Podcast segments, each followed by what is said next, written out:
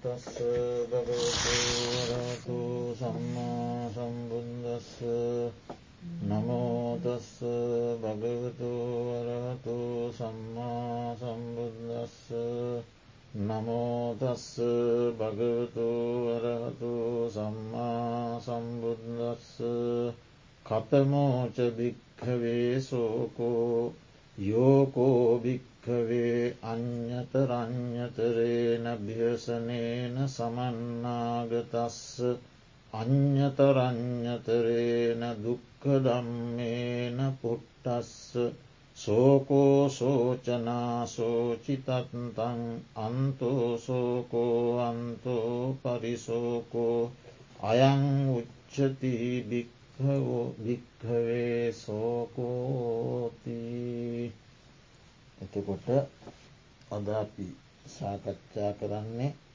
සතිපට්ඨාන සූත්‍ර දේශනාවෙහි දුක්ක ආර්ය සත්‍යයට අයත් සෝක පරිදේව කියන කාරණා දෙක.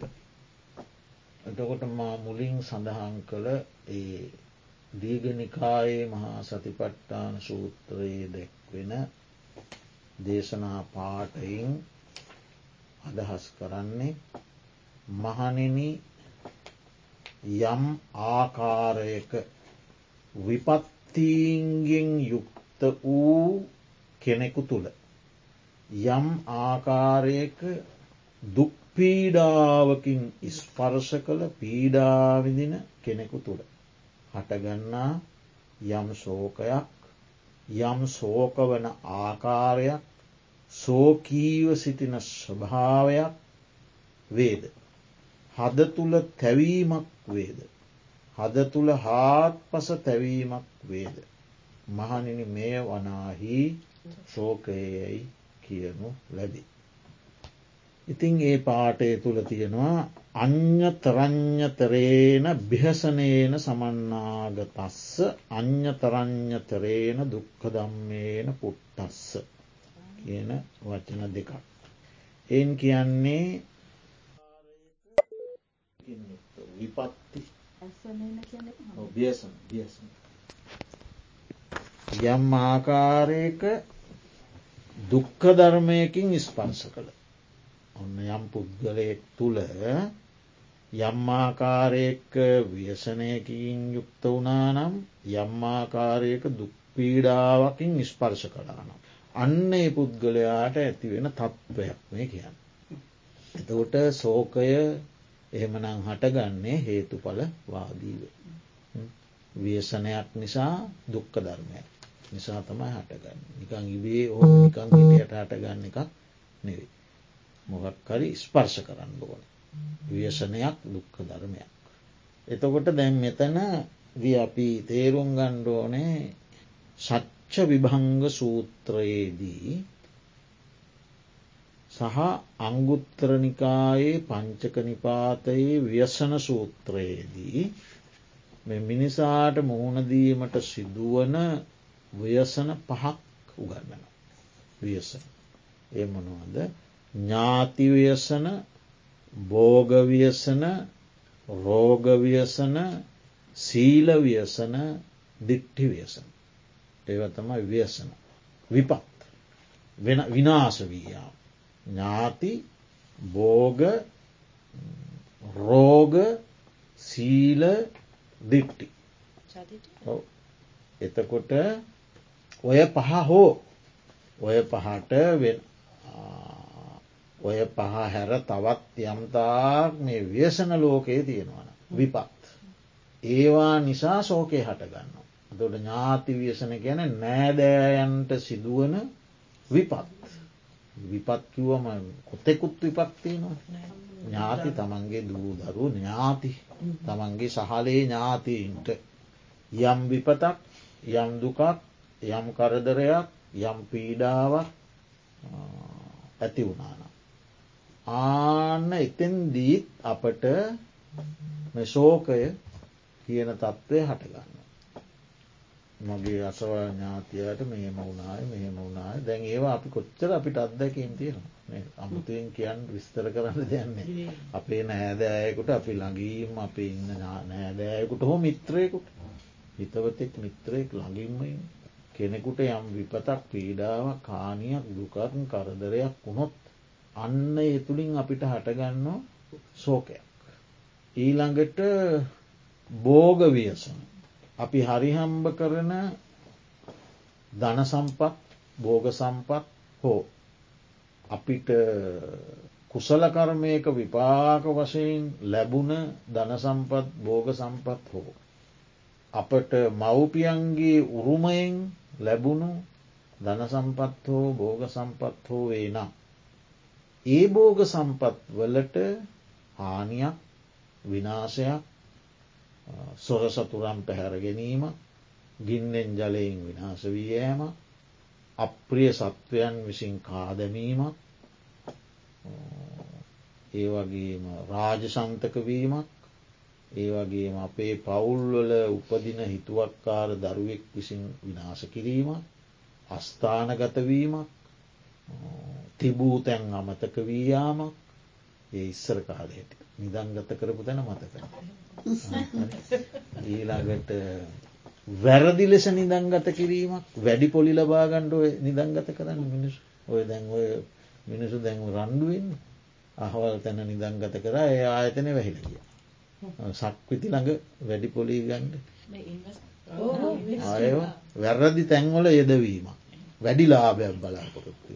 ඒවායෙන් අර බෝග සම්පත් විනාශවියන්න. ලැබූ පලයක් නෑ. ප්‍රතිඵලයක් බලාගෙන තමයි කරේ.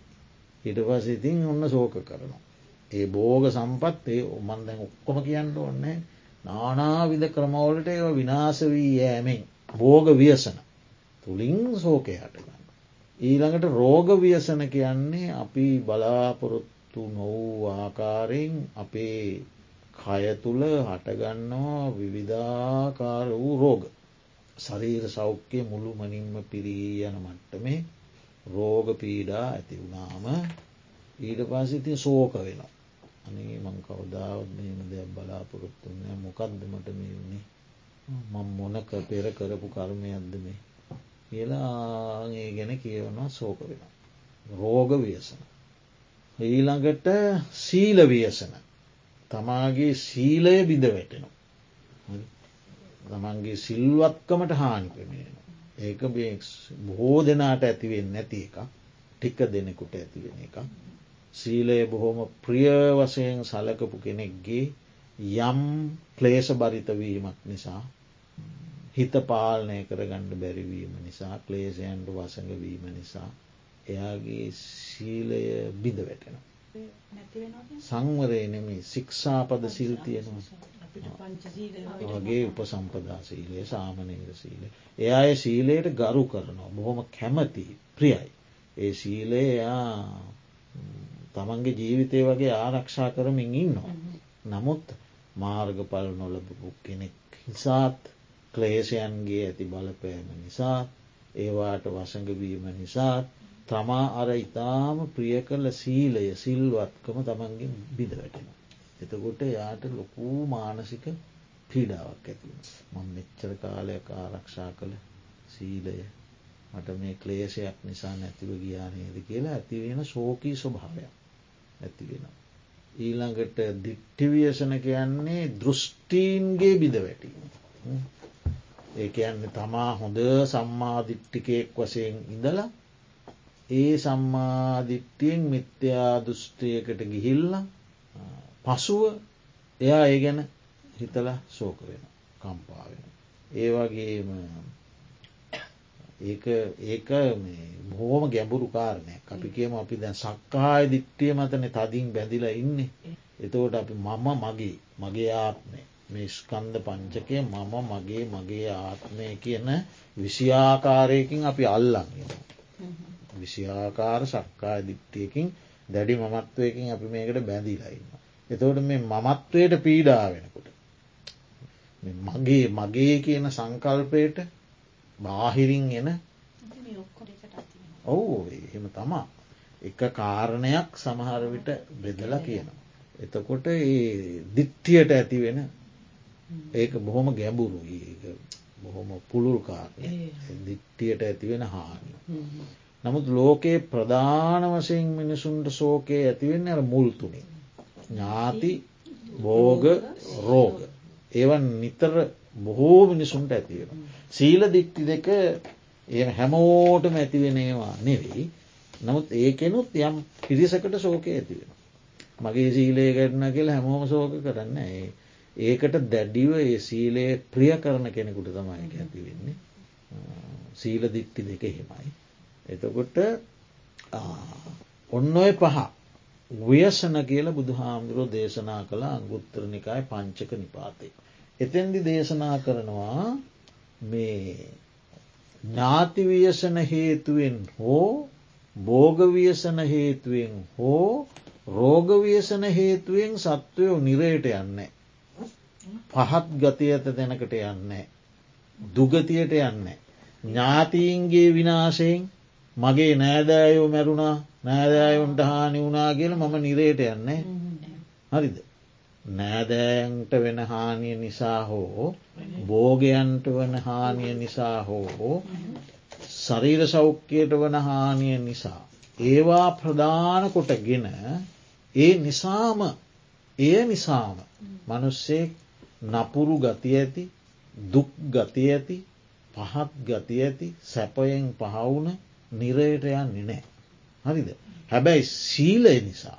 සීල විපත්තිය නිසා දෘෂ්ටි විපත්තිය නිසා. ඒ දෙක නිසා පුද්ගලයෙක් නිරයට යන්න පුළුව. ඇයි සීලේ බිඳීම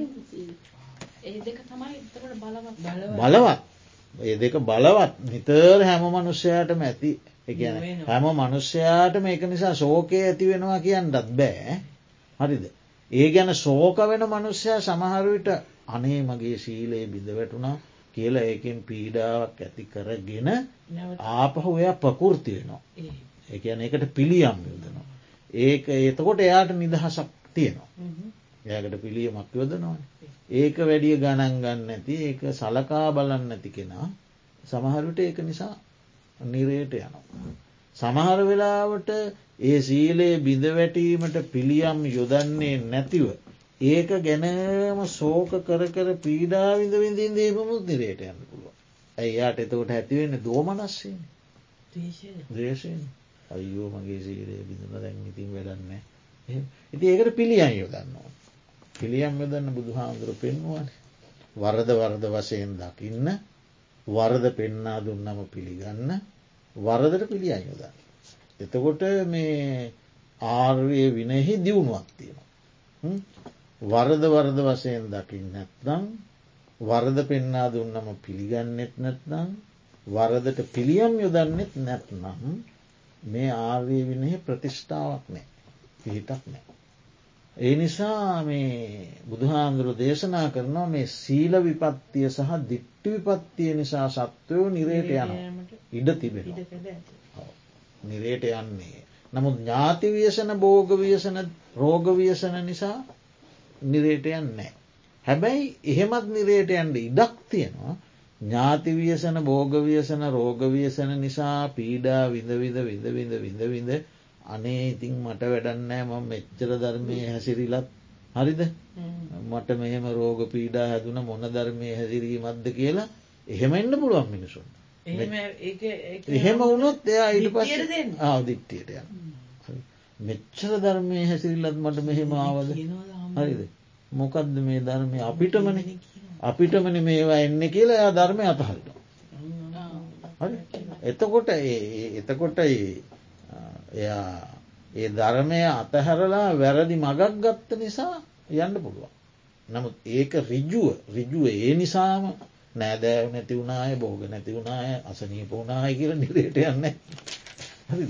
එයින් ආපව්වර දී වැරදි දෘෂ්ටියක් කදාගත්තු ධර්මය අතහැරියෝ යන්න පුළුව. ඉතින් කෝම නමුත් ඔහොම ව්‍යසන පහක් තියෙනවා. හරිද? ඔන්න ඔය ව්‍යසන පහ නිසා අපේ මනස තුළ ඇතිවෙනවා මොකද සෝකයක් කොච්චර අපිට ඇති වෙලා ඇද මේ ජීවිත කාලේ? නෑදෑයුන්ට සිදුවන හානි විනාස මියයෑම් පීඩා නිසා මිත්‍රයන් නිසාත් ඇතිවෙන තැන ඥාති කියන වචනය තුළ මිත්‍රත් ගණ්ඩ පුළුවන්. ඊලාට බෝග සහ සරිර සෞඛ්‍ය කායික මානසික. එතකොට ඔන්න සෝකය ඊළඟට සෝචනා. සෝකවන ආකාරයක්. සෝකයක් සෝකවන ආකාරයක් ඇති වෙනවා. ඊළඟට සෝචිතත්ත. සෝචිතත්ත කියන්නේ සෝකීව සිටින ස්වභාවයක්. සෝකයෙන් සිටින ස්වභාවයක්. ස්වභාවය? සෝකීව සිටින ස්වභාවයක් තවට පැහැදිලිද. සෝකයක් සෝකවන ආකාරයක් ආකාරය තමයි තැවීම සෝකවන ආකාරය කියන සෝකවන අයුරු කියල කියන්න හිත තැවෙන ස්වභාවයක්.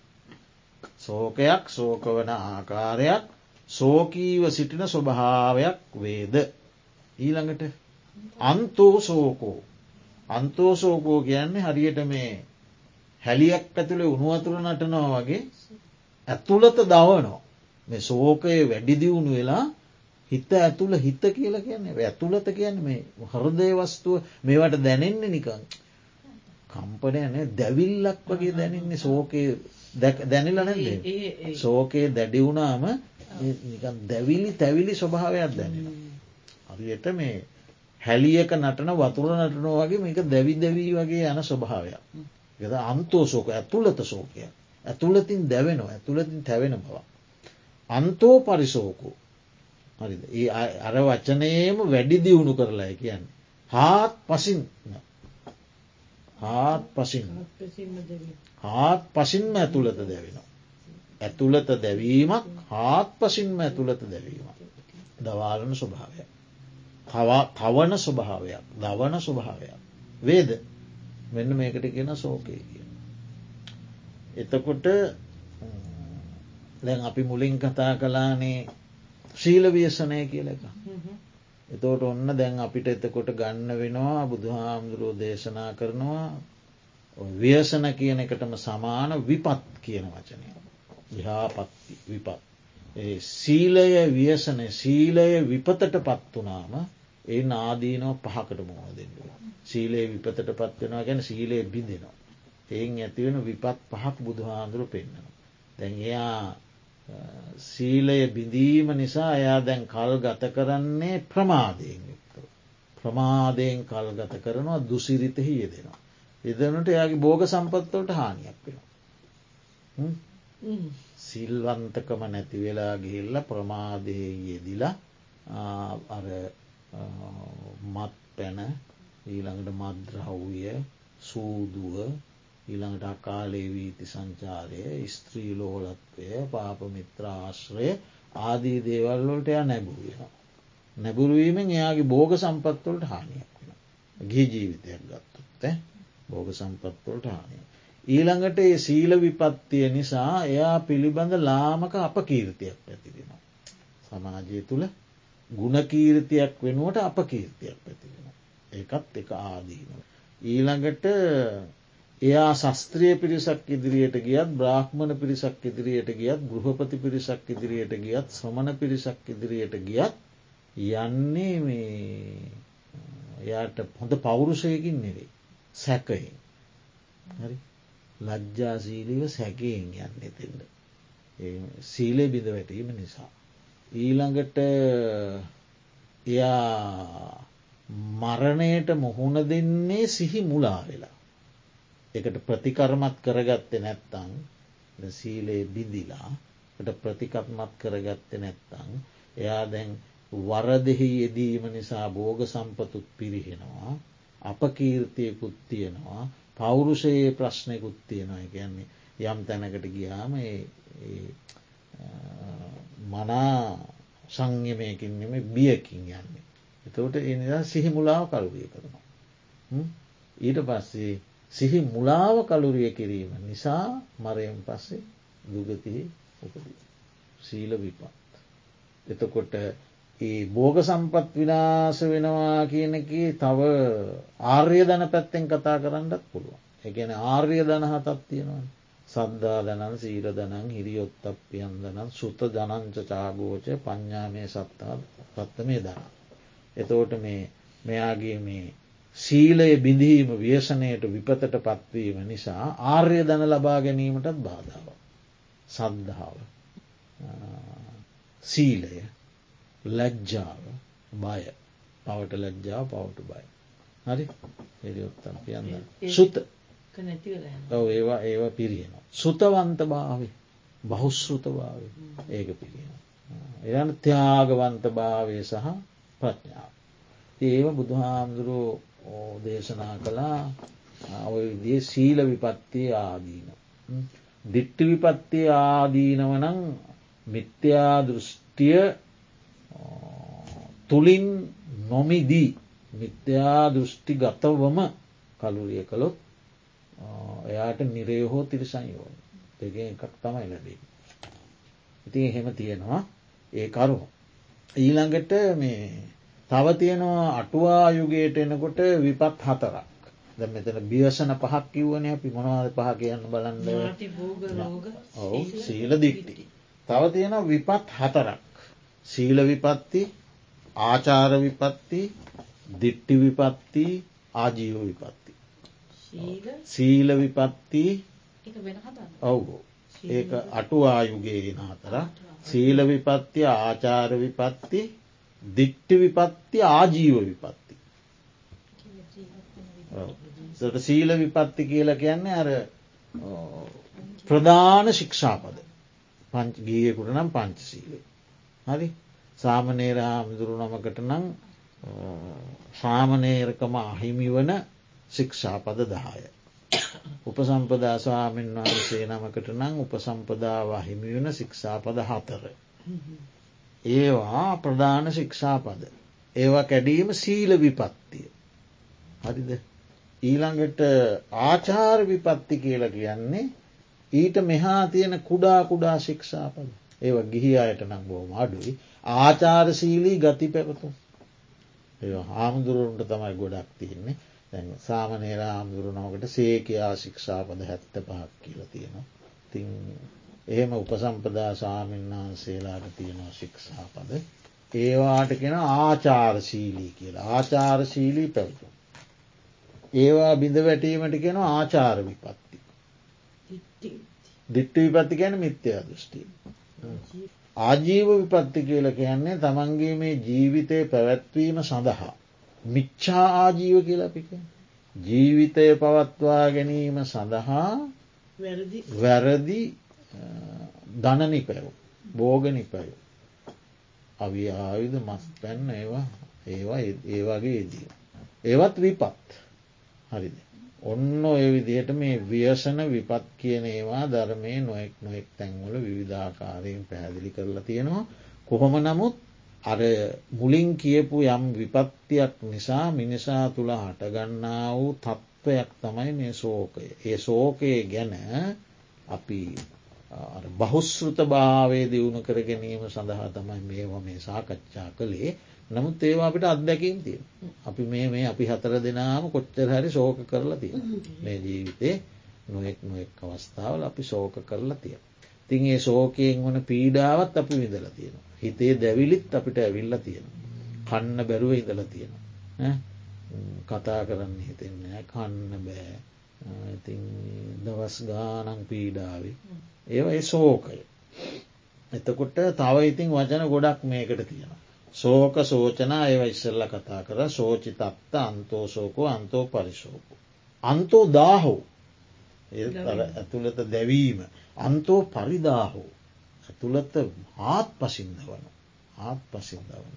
චේතු චේතසෝ පටිජ්ජායන චේතසෝ පටිජ්ජායනා කියලා කියන්නේ හිත දවනු. අර වචනම තමයි හිත දවන හිත දවන. ට සෝක සල්ල සෝකය නැමති හුලෙන් අරියට මේ හදවතකට උලින් එල්ලව උලකින් එල්ලවගේ සෝක සල්ල එහෙම වචන ඔලිමුත් මේක හඳුන්න. එතෝට මේ කියන ලද සෝකය දුකක් මෙන්ම දුකට හේතුවක්. එය දුකක් එමෙන්ම තවත් නොයෙකුත් කායික මානසික දුක් ඇති කරන්න හේතුවක්. දුක්කෝ දෝමනස්ස වේදන දෝමනස්සේ දෝමනස්ස වේදන. අප්‍රිය අරමුණත් එක්ක හිත ගැටීමෙන් ඇතිවෙන දෝමනස්ස වේදනාව ස්වභාවය. දවේශමූලික සිත්තුල ඇතිවෙන්නේ.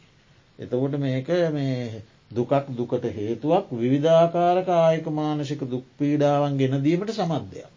ඉට හිතේ ඇතිවෙනේ සෝකය ඇඟටත් බලපහල ඇගෙත් පෙසර් වැඩිවෙලා අනෝ කායක මානසික. ලොක් පීඩ ඇති මානසික මානසික ක්‍රියාකාරකම්මට තද බල විදිට බලපාන බලපා ඩිප්‍රේෂන් ඒවට බලපාන. එතවට මේ කියන ලද මේ සෝකයත් දුක්ක සත්‍යයට ඇතුළත් වෙනවා. මොකද මේක තියෙනවා පීඩන ස්වභාවයක්. හරිද? මේක පීඩන ස්වභාවෙන් යුක්ත දෙයක්. ඒවගේ මේක සංකතයක් හේතුවකින් හටගත්ත දෙයක්. එමෙන්ම මේක සන්තහාපයක් පීඩනයි සංකතයි සන්තාපයි එක තවන දෙයක්. ගිළඟට විපරිනාමයට පත්වෙන දෙයක් වෙනස් වෙන. සෝකයත් වෙනස් වෙන සෝකය නිසාත් වෙනස් වී මැති කරන. සෝකයත් වෙනස් වෙනවා. සෝකය නිසා වෙනස් වීමුත් ඇති කරනවා. ඔවු විපරිනාම විපරිනාම. ඉතින් මෙකී සෝකය පරමාර්ථ වශයෙන් ගත්තොත් වෙන මොකක්වත් නෙමේ දොම්නස් වේදනා දුම්නස් වේදනා සොම්නසට ප්‍රතිපක්ෂයි. ඉතින් සෝකය ඇති වුණාම ඒව බලන්න ඕන මේ සෝකය මට ඇතිවුණේ මෙන්න මේ ඥාති ව්‍යසනය නිසා. එතකොට ඒ ඥාති ව්‍යසනය නිසා ශෝකය ඇතිවුණේ ඒ ඥාතීන් කෙරෙහි මාතුළ ප්‍රියත්වයක් තිබුණ නිසා. ප්‍රියත්වයක් නොතිබුණානම් මාතුළ ශෝකය හැටගන්නේ නෑ. හරි ඒ ප්‍රියත්වය ඇතිවුණේ මම කියන සංකල්පය නිසා. හරි සක්කාය දිට්ටිය. එතකොට මම මගේ මගේ ඥාතීන් මගේ කියන බැඳීම නිසා. චන්දරාගෙන් බැඳීගිය සිත් ඇති නිසා. අටකොට පියතෝ ජායති සෝකෝ ප්‍රියභාවයෙන් තමයි සෝකය හටගන්න. පියතෝ ජායති භයන් ප්‍රියභාවයෙන් තමයි භය ඇතිවෙන. පියතෝ විප්පමුත්තස්ස ප්‍රියභාවයෙන් මිදුණු රහතින් රහතන් වහන්සේලාට නත්ති සෝකෝ සෝකයක් නැත. කුතෝ බය බයක් වෙන් බයකුත් නෑ. එතෝට මේ සෝකයට හේතුව ප්‍රියභාවය. ප්‍රියභාවය යනු තෘෂ්ණාවයි. අන්න දැන් දුක්ක සෝකය සෝකයේ දැන් දුකක්නේ දුකට හේතුව එතකොට ප්‍රියභාවේ. එමනම් ප්‍රියභාවය යනු තෘෂ්ණාවයි. දැම්මම සසරත් එක්ක කිසිදු සම්බන්ධයක් වුවමන නෑ සසරත් එහෙම තියෙද්දි දැම්ම මට දැන්වෝන් දුක අත්දකින්න පුළුව. සෝකය දුක්කාරය සත්‍යයට අයිති දුක ඇතිවීමේ හේතුව දැ මෙතනම මට දකින්න පුළුව. මොකද හේතුව තෘෂ්නාව. එතකොට මේ තෘෂ්ණාව නම් වූ හේතුව මම දුරු කොළොත් එදාට මට සෝකයක් නෑ. ඔව දුක. දැන් මේ දමම්ම දුක දකින දුක දකිනවා සෝකය දැන් ධර්මය දන්න කෙනාට ටික ටිකහරි මේක අදාළ කර කර බලන්න පුළුවන්.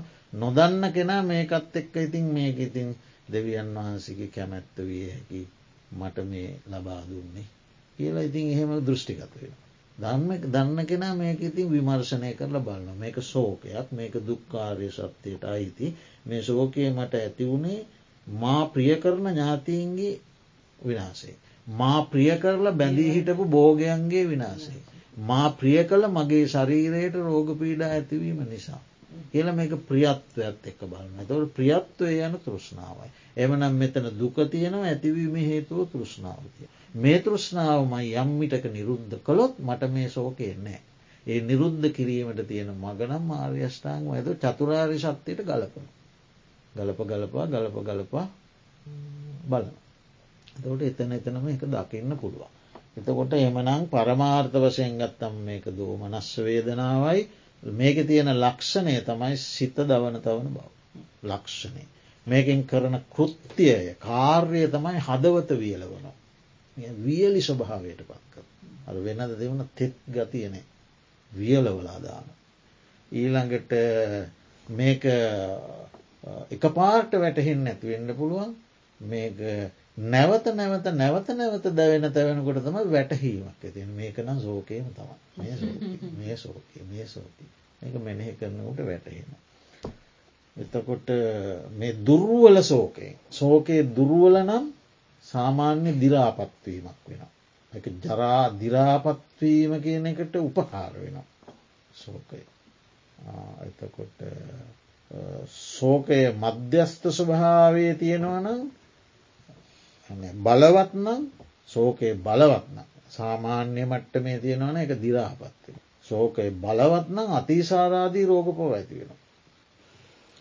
වමනයෑම් ශරීර අභ්‍යන්තරයේ සිදුවෙන වෙනස්කම් නිසා හාට්ටට ඊළඟට මල ලේ පහවීම් ආදී දේවල් ඇති වෙන. ශෝකයේ බලවත්න. තකොට ශෝකය බලවත්ව හැම තැනම පැතිවීය මේ මුළු ශරීරය වෙලාගත්තම් මැරෙන්න්න පුළුව. දැඩි සෝකි නිසා මැරෙන්න්න පුළුව. තට ශෝකයෙන් ඇතිවෙන අතුරු විපාක කෝච්චයට පනින. ගෙල වෙලදාගන්න. මහවැලිකකට පනිනවා. සෝසියදිවි හානි කරගන්න. වස්ස බෝනවා. තමනුත් තනියෙන් මැරෙන්න්නෙත් නෑ සෝකයට පාදකූ කෙනක් මරාගනම මැරෙනවා. දවේශයත් එක්ක නැතිවෙන් දරාගන්න බෑසෝකය පීඩාවක් එතවට ඒ පලිගැනීමේ චේතනාවට ගිල්ල කීප දෙනෙකුත් මරාගෙන මැරෙන. ජීවිතහා බරපතල දෙයක් සාමාන්‍යක පිසලකුව සෝකයක් කෝක නැතිවෙලා ඇකිවට ඉතින් එහෙම ඒ විදිහේ අතුරු විපාක රාශියක් ඇති කරන්නට සමත් මානසික ස්වභාව.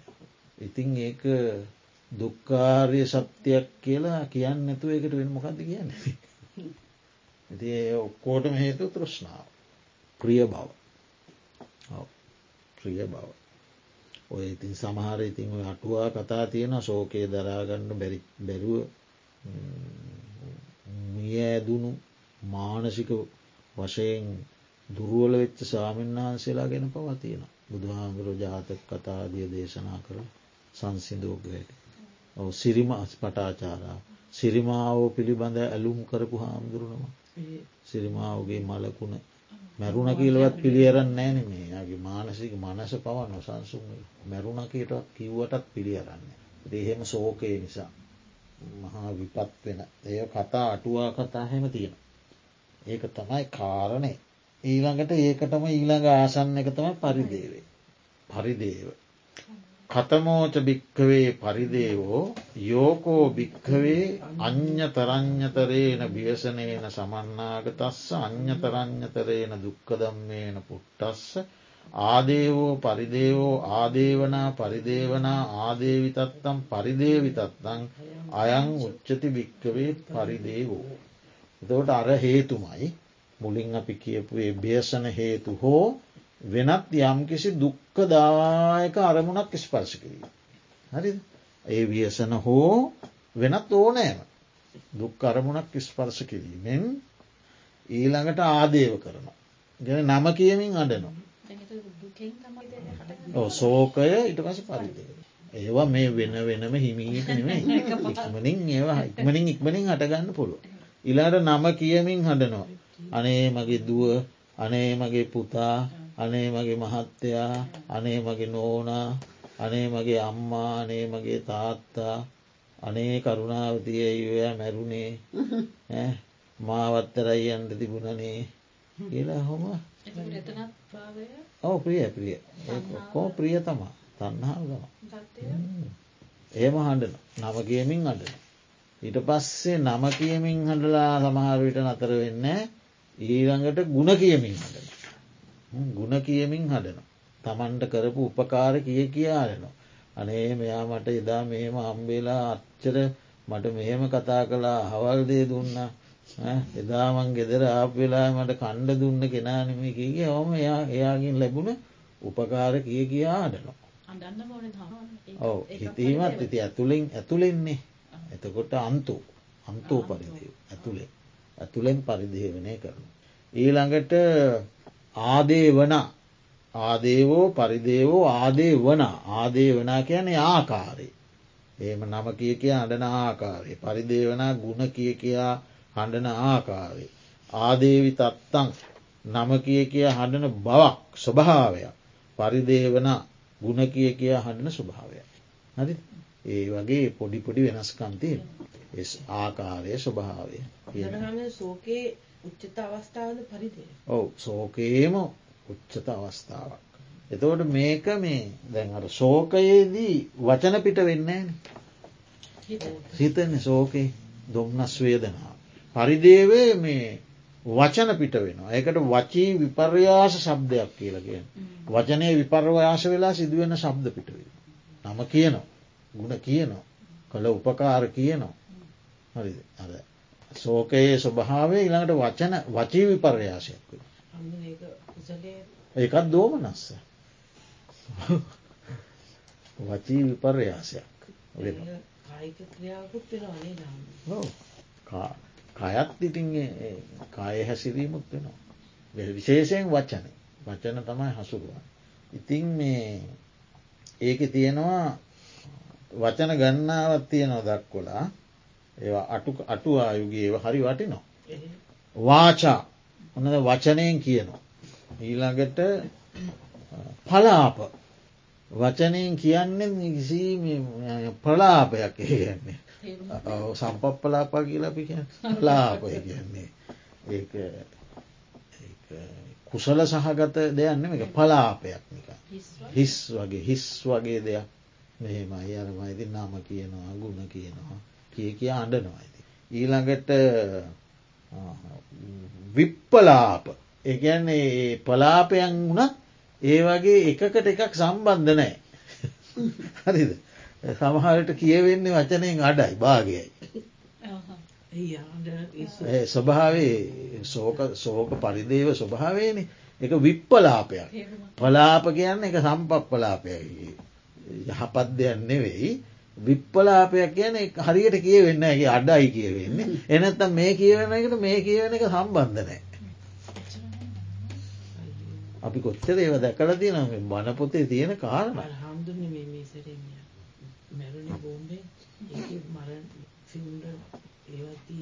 තියෙනවා.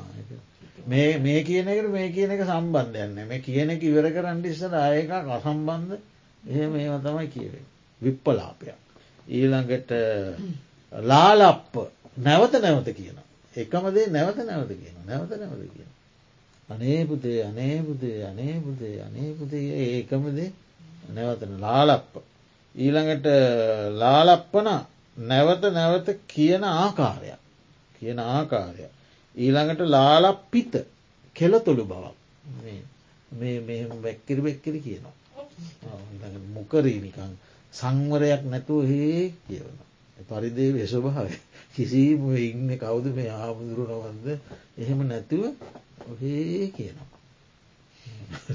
ඒ බලන්නේ අටුවාචාරීන් වහන්සේලා දැකල විස්තර කරන හැටි අපිට හිතන්න පෙන්නනවා මගක් මෙහෙම ස්වභාවයක් තියෙනවා පරිදේවේ එ හෙම පෙන්නවා. එතකොට අන්නේ කියන ලද පරිදේවයක් නොඒකුත් කායික මානසික දුක්ක දෝමනස්යන්ට වස්තුවක් හරිද ඒ සෝකයත් පරිදේවයක් දෙකම පාදක කොටගෙන නොයකුත් කායක මානසික දුක් ඇතිව. හිසට ගහගෙන අඩනවා. හිස හිස අත තබාගනේ පරිදේව අවස්ථාවේදී නම කියන්නේ ගුණ කියන්නේ හිස්ස අත තබාගෙන හඩන. පපුුවට මෙම පහර දෙමින් හඩනවා. දැකල තියෙනවන පාර දෙමින් හටන. ඊළඟට හිස්ස මෙහෙම බිත්තියක ගාගෙන හඩනවා. ගාන බිත්තියල. ගාගෙන හඩනව ලාංකික සමාජය තමයි ගොඩත් තියෙන ඉන්දීය ආසියාතික රටවල්ල. එතකොට නැවත නැවතත් නැවත නැවතත් නැවත නැවතත් ඒක සිතට නැගෙන්න්න නැගෙන්න්න නැගෙන්න්න නැගෙන්න්න පාර දුම්න්නස අලුත්වී අලුත්වී අලුත්වී යන. ඉතිං නම් ගොත් නම කියන ගෝත්‍ර කියනවා. නමයි ගෝත්‍රය කිය කියන්න. ඒ පරිදේවේ ලක්ෂණය තමයි වැලපෙන ස්වභාවේ ලක්ෂණය ඒක කෙරෙන කාර්ය තමයි ගුණ දොස් කියවීම. ඒක වැටහෙන්නේ නොසන්සුම් බව සහ කම්පාවන බව එතොට කම්පා වෙලායින් සංසුම් බවකුත් නෑ. කම්පා වෙලා සංසුම් බවක් නෑ. ඒකින් ලැබෙන පලය මොකදද එවන් විලාප කියන්න එක්කම එකතු වෙලා කියනවා. ඒ පලය තම සංගාම එකට එකතුවීම ඔන්න දැන් ඒ වගේම තව කෙනෙක් කාම එහත් එක් එකතියෙන එක තියෙන දෙන්නම එකට අන්ඩෙනවා. ඒ මළගෙදරකගේ මොක මේ අඩාඩ ඉන්නකට ඔන්න අයි අයනවා. අයේ කියලන්න අයත් එක එක තියෙන. එයත් එක් කතාරන සංගාම වෙන. දුර බැහැරඉඳල එනවා පරක් වෙලා ඔන්න තව ඥාතියෙක්. පදවී ඉඳල එන නුවරට. අත්දැකී එක ඥාතියක ඉන්න පදවී ඇති එන්න දවස් දෙකට විතර පස් අර එනවා අය යනවා කියනකොට මෙ පටන් ගන්නවා. රැගෙන එයත් එකතු කරගෙනදෙනවා සංගාම වෙනවා. ඉතින් ඔන්න හෝ තමයි. ශෝක පරිදේවයන්ගේ ස්වභාව. ඉතින් ඒ තැන්වලදී අර ධර්මයත් එක්ක ධර්මය අසා පලපුරුදු කෙනා ඒකත් එක්ක තමන්ට ශෝකයක් ඇති නොවනත් සංසන්ධනය කරන්න පුළුවන් එයාට. එහෙම තැනකට යා යනවා යනකොට ඉතින් කට්ටි ආණ්ඩනවා විලාප කියන සෝක කරන. එතට ධර්මය දන්න කෙනාට පුළුවන් ඒ ඒගුල්ලුන්ගේ අත්දැකීම තුළින් ධර්ම විග්‍රහයකට අයු මේ ඇත්ත මේ සෝකය තියෙන්නේ මේ ඇත්ත තුළ මේ තියෙන පරිදේව ස්වභාවි මේක දුක්කාරය ශක්තියට අයිති. එතවට මේ ඇත්තුන් මේ සෝක වෙන්න පරිදේවෙන්ඩ හේතුවතුම ප්‍රියභාවය. කියලා මේක අර චතුරාර්ය සත්‍යයට ගලපනම්. මේක ඉතින් මාතුල ප්‍රියභාවය තියෙන නිසා මගේ කෙනෙක්ට මෙහ විපත වනත් මටත් ඔහොම තමයි වෙන්නේ. කියල මේක සාධාරණ කොට බලන ලෝකයට සාධාරණ ධර්මතාවය කියල බලන. කොට ප්‍රිය බව වැඩි වූ තරමට ශෝකය වැඩි. ප්‍රිය බව අඩුවෙන්ඩ අඩුවෙන්ට ශෝකය අඩුයි. ප්‍රිය භාව ඇත්තෙම නැත්තම් ශෝකෙන් නෑ. ප්‍රිය දේවල් දාහත් තියෙනවන සෝක දාහයි නැතිවෙනකොට සෝක දාහක් ඇතිව. වැඩිවෙන්ඩ වැඩිවෙන්ට සෝකය වැඩි. අපි කියමු මේක මේ මොකක්ද උද්‍යෝගය හීන කරගන්න කියන ගන්නම අපිට අම්ම කෙනෙකුට දරුව දහ දෙනෙක් දහ දෙනාම අම්මට ප්‍රියයි. එතවට දහ දෙනා නිසා අම්මට දුක් දහයක් දෙනට ස්වාම්පුරුෂයකුට භාරයාව දෙන්නෙක්කින්න. තකොට ඒ භාරයාව දෙන්නටම ස්වාම්පුරුෂය ප්‍රියයි. එතකොට ඒ ස්වාම්පුරුෂයට භාරයාව දෙන්න නිසාම සතුටකුත් තියෙන දෙන්න නිසාම දුකුත්තියෙන. එහෙම ඒ ප්‍රියභාවය වැඩි වූ තරමට ප්‍රිය දේවල් වැඩි වූ තරමට ඒවා අහිමි වෙනකොට ඇතිවෙන ඒ කියන්නේ ඒවාගින් ආස්වාදයක් තියෙනවා.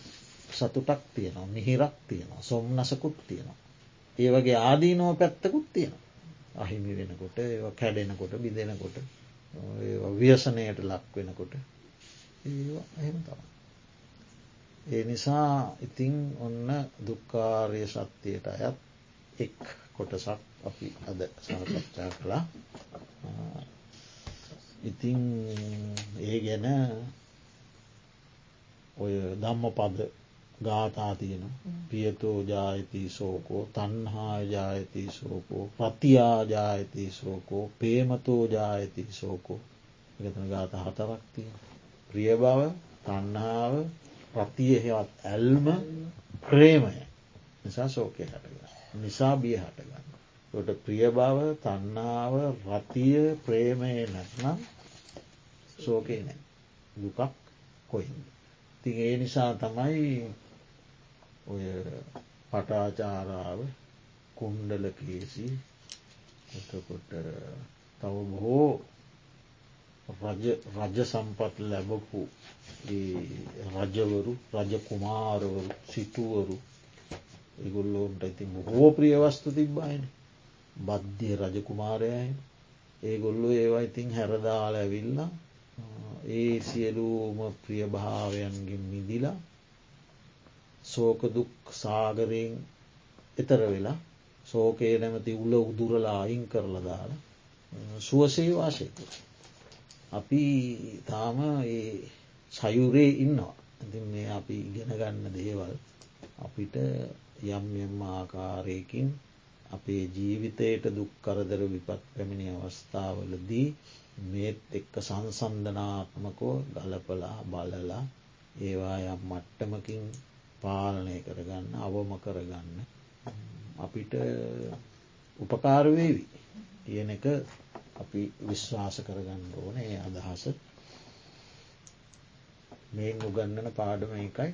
එනිසා අපි මෙතෙක් වෙලා ධර්මශ්‍රවණය කිරීම ධර්ම සාකච්ඡා කිරීමෙන් උපදවාගත්ත කුසල ශක්තිය අපටත් අප නමින් පරලෝෂපත් ඥාතීන්ටත් දෙවියන් සහිත ලෝකවාසී සත්වයන්ටත් නිර්වාණ අවබෝධය පිණිස හේතුවාසනාවත්වා කියල ආර්ථනා කළ.